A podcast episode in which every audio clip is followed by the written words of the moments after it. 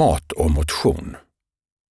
Livsmedelsverkets råd till allmänheten har, när man ser på det idag, i många fall varit riktigt dåliga och flertalet har helt saknat vetenskapligt stöd.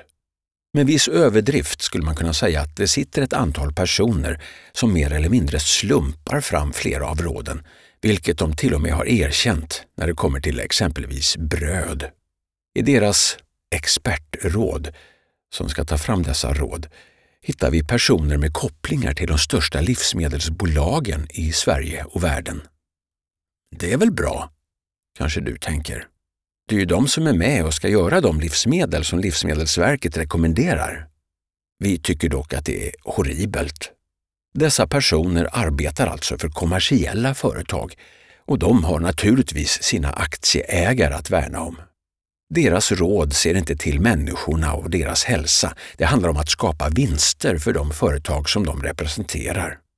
Har man sådana personer som rådgivare i en instans som ska ge råd kring hur vi ska äta så finns det naturligtvis anledning att fundera på om Livsmedelsverket sitter i knät på industrin de också.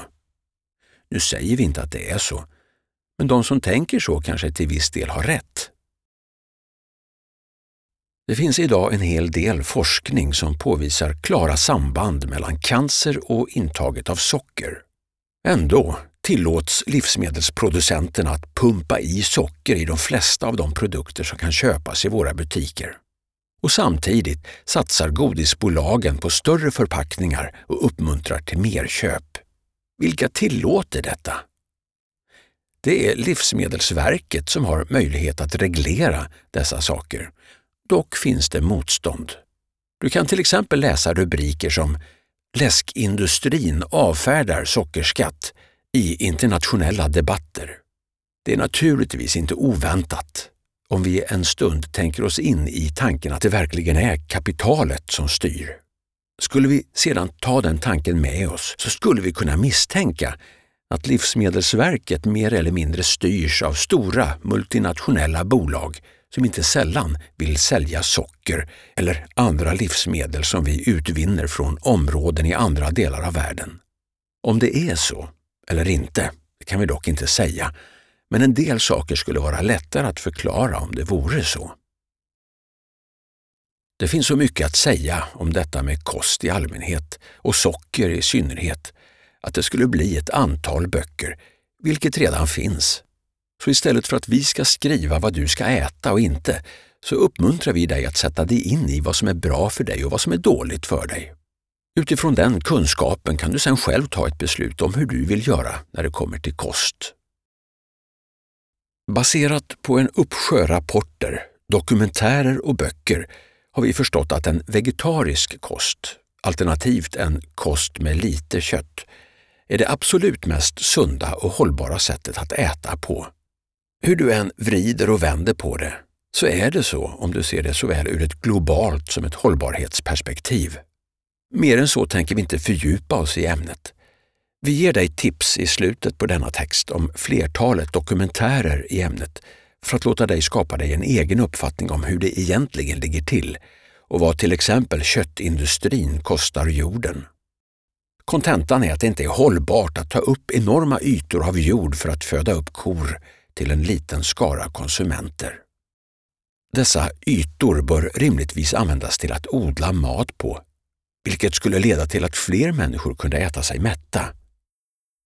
Vattenåtgången för djuruppfödning är oerhört stor och det verkar som att vi just nu alltså föder upp kor åt en liten del av världens befolkning istället för att människor ska få tillgång till rent vatten. När vi är inne på kost är det lika bra att klara av detta med motion på samma gång.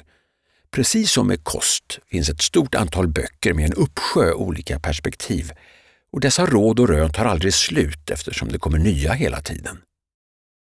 Vill du gå med rollator vid 70? Vill du dö i hjärt och kärlsjukdomar? Naturligtvis vill du inte det, men det är exakt det som händer i många fall om du väljer en livsstil utan motion. Om du är bekväm med det, fine. Kom inte och gnäll sen. Vid det här laget vet varenda levande själ i vårt samhälle att socker i kombination med en icke-aktiv livsstil leder till döden betydligt tidigare än nödvändigt. Det finns naturligtvis många fler skadliga ämnen än socker, men vi tror att du förstår vad vi menar. En vecka består av 168 timmar. Om du investerar 30 minuter varje dag i motion innebär det alltså 3,5 timmar i veckan. Om du väljer att inte investera i detta kommer du med stor sannolikhet att bli sjuk. Detta vet alla om och ändå är det många som väljer att inte investera sin tid i att motionera. Indirekt skulle man kunna tolka det som att de förväntar sig att du ska vara med och betala deras sjukvård när de blir sjuka på grund av de val som de själva har gjort. Är det rimligt att du som skattebetalare ska bekosta en lungoperation om personen i fråga valt att röka? Vi personligen tycker att pengarna snarare och främst ska läggas på hälsofrämjande åtgärder än på att åtgärda fel som uppstått på grund av val som lett till sjukdom. Kanske ska bolagen som orsakat skadan betala. Vi bör hjälpa de människor som hamnat i ett sjukligt tillstånd, men större fokus bör läggas på att undvika att fler hamnar där.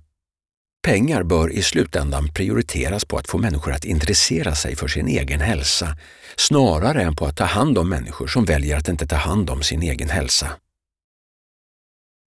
Att motionera är en billig försäkring. Visserligen finns inga garantier för att du lever längre för att du motionerar, men oddsen blir betydligt bättre om du ska ha en bra hälsa under en längre tid av ditt liv. Sitta är det nya röka, sägs det, och rökning dödar som du vet. Eller i alla fall står det så på cigarettpaketen och vi är övertygade om att det inte hade fått stå på dem om det inte fanns ganska bra belägg för det. Så ut och gå, jogga, spring, cykla eller hitta någon annan motionsform som gör att du kan ha en aktiv livsstil som håller i längden. För om du inte klarar av att ta hand om din kropp, vad klarar du då av? Använd någon stor sökmotor och lägg en timme på att läsa statistik om hälsa. Läs gärna några amerikanska rapporter om exempelvis övervikt. Vi lovar dig, du kommer att tappa hakan. Nu är det lätt att direkt tänka på motion som något specifikt. Att man ska motionera innebär för många att köpa ett gymkort. Det kan vara ett alternativ, men det finns många fler alternativ. Hitta ett som passar för dig. Så finns det alternativet att inte motionera alls, men det är på egen risk. Hälsa är ett brett begrepp och en av oss har tidigare arbetat som personlig tränare i några år och utifrån detta kommit fram till att den psykiska hälsan är minst lika viktig att ta hand om som den fysiska. Det glömmer många bort idag och det finns statistik som visar att den blir allt sämre. Att motionera regelbundet förbättrar vår livskvalitet och livslängd. Man är helt enkelt friskare längre om man äter bra och motionerar. Det vet alla vid det här laget. Det talas dock betydligt mindre om den psykiska biten och hur man kan träna upp den. Och det är kanske på grund av detta som nutidens stora folksjukdom är psykisk ohälsa. Vad innebär det egentligen för din kropp att läsa en fantastisk bok eller att se en film som inspirerar och gör dig laddad och lycklig? Det är naturligtvis oerhört svårt att mäta, men vår övertygelse är att detta är minst lika viktigt som att både äta och motionera regelbundet. Att mata din hjärna med nya perspektiv och positiva synsätt och att låta din kreativitet blomma upp, det tror vi förbättrar din livskvalitet och förlänger ditt liv. Därför är vårt råd att varje vecka se ett antal föreläsningar på Youtube eller på TED.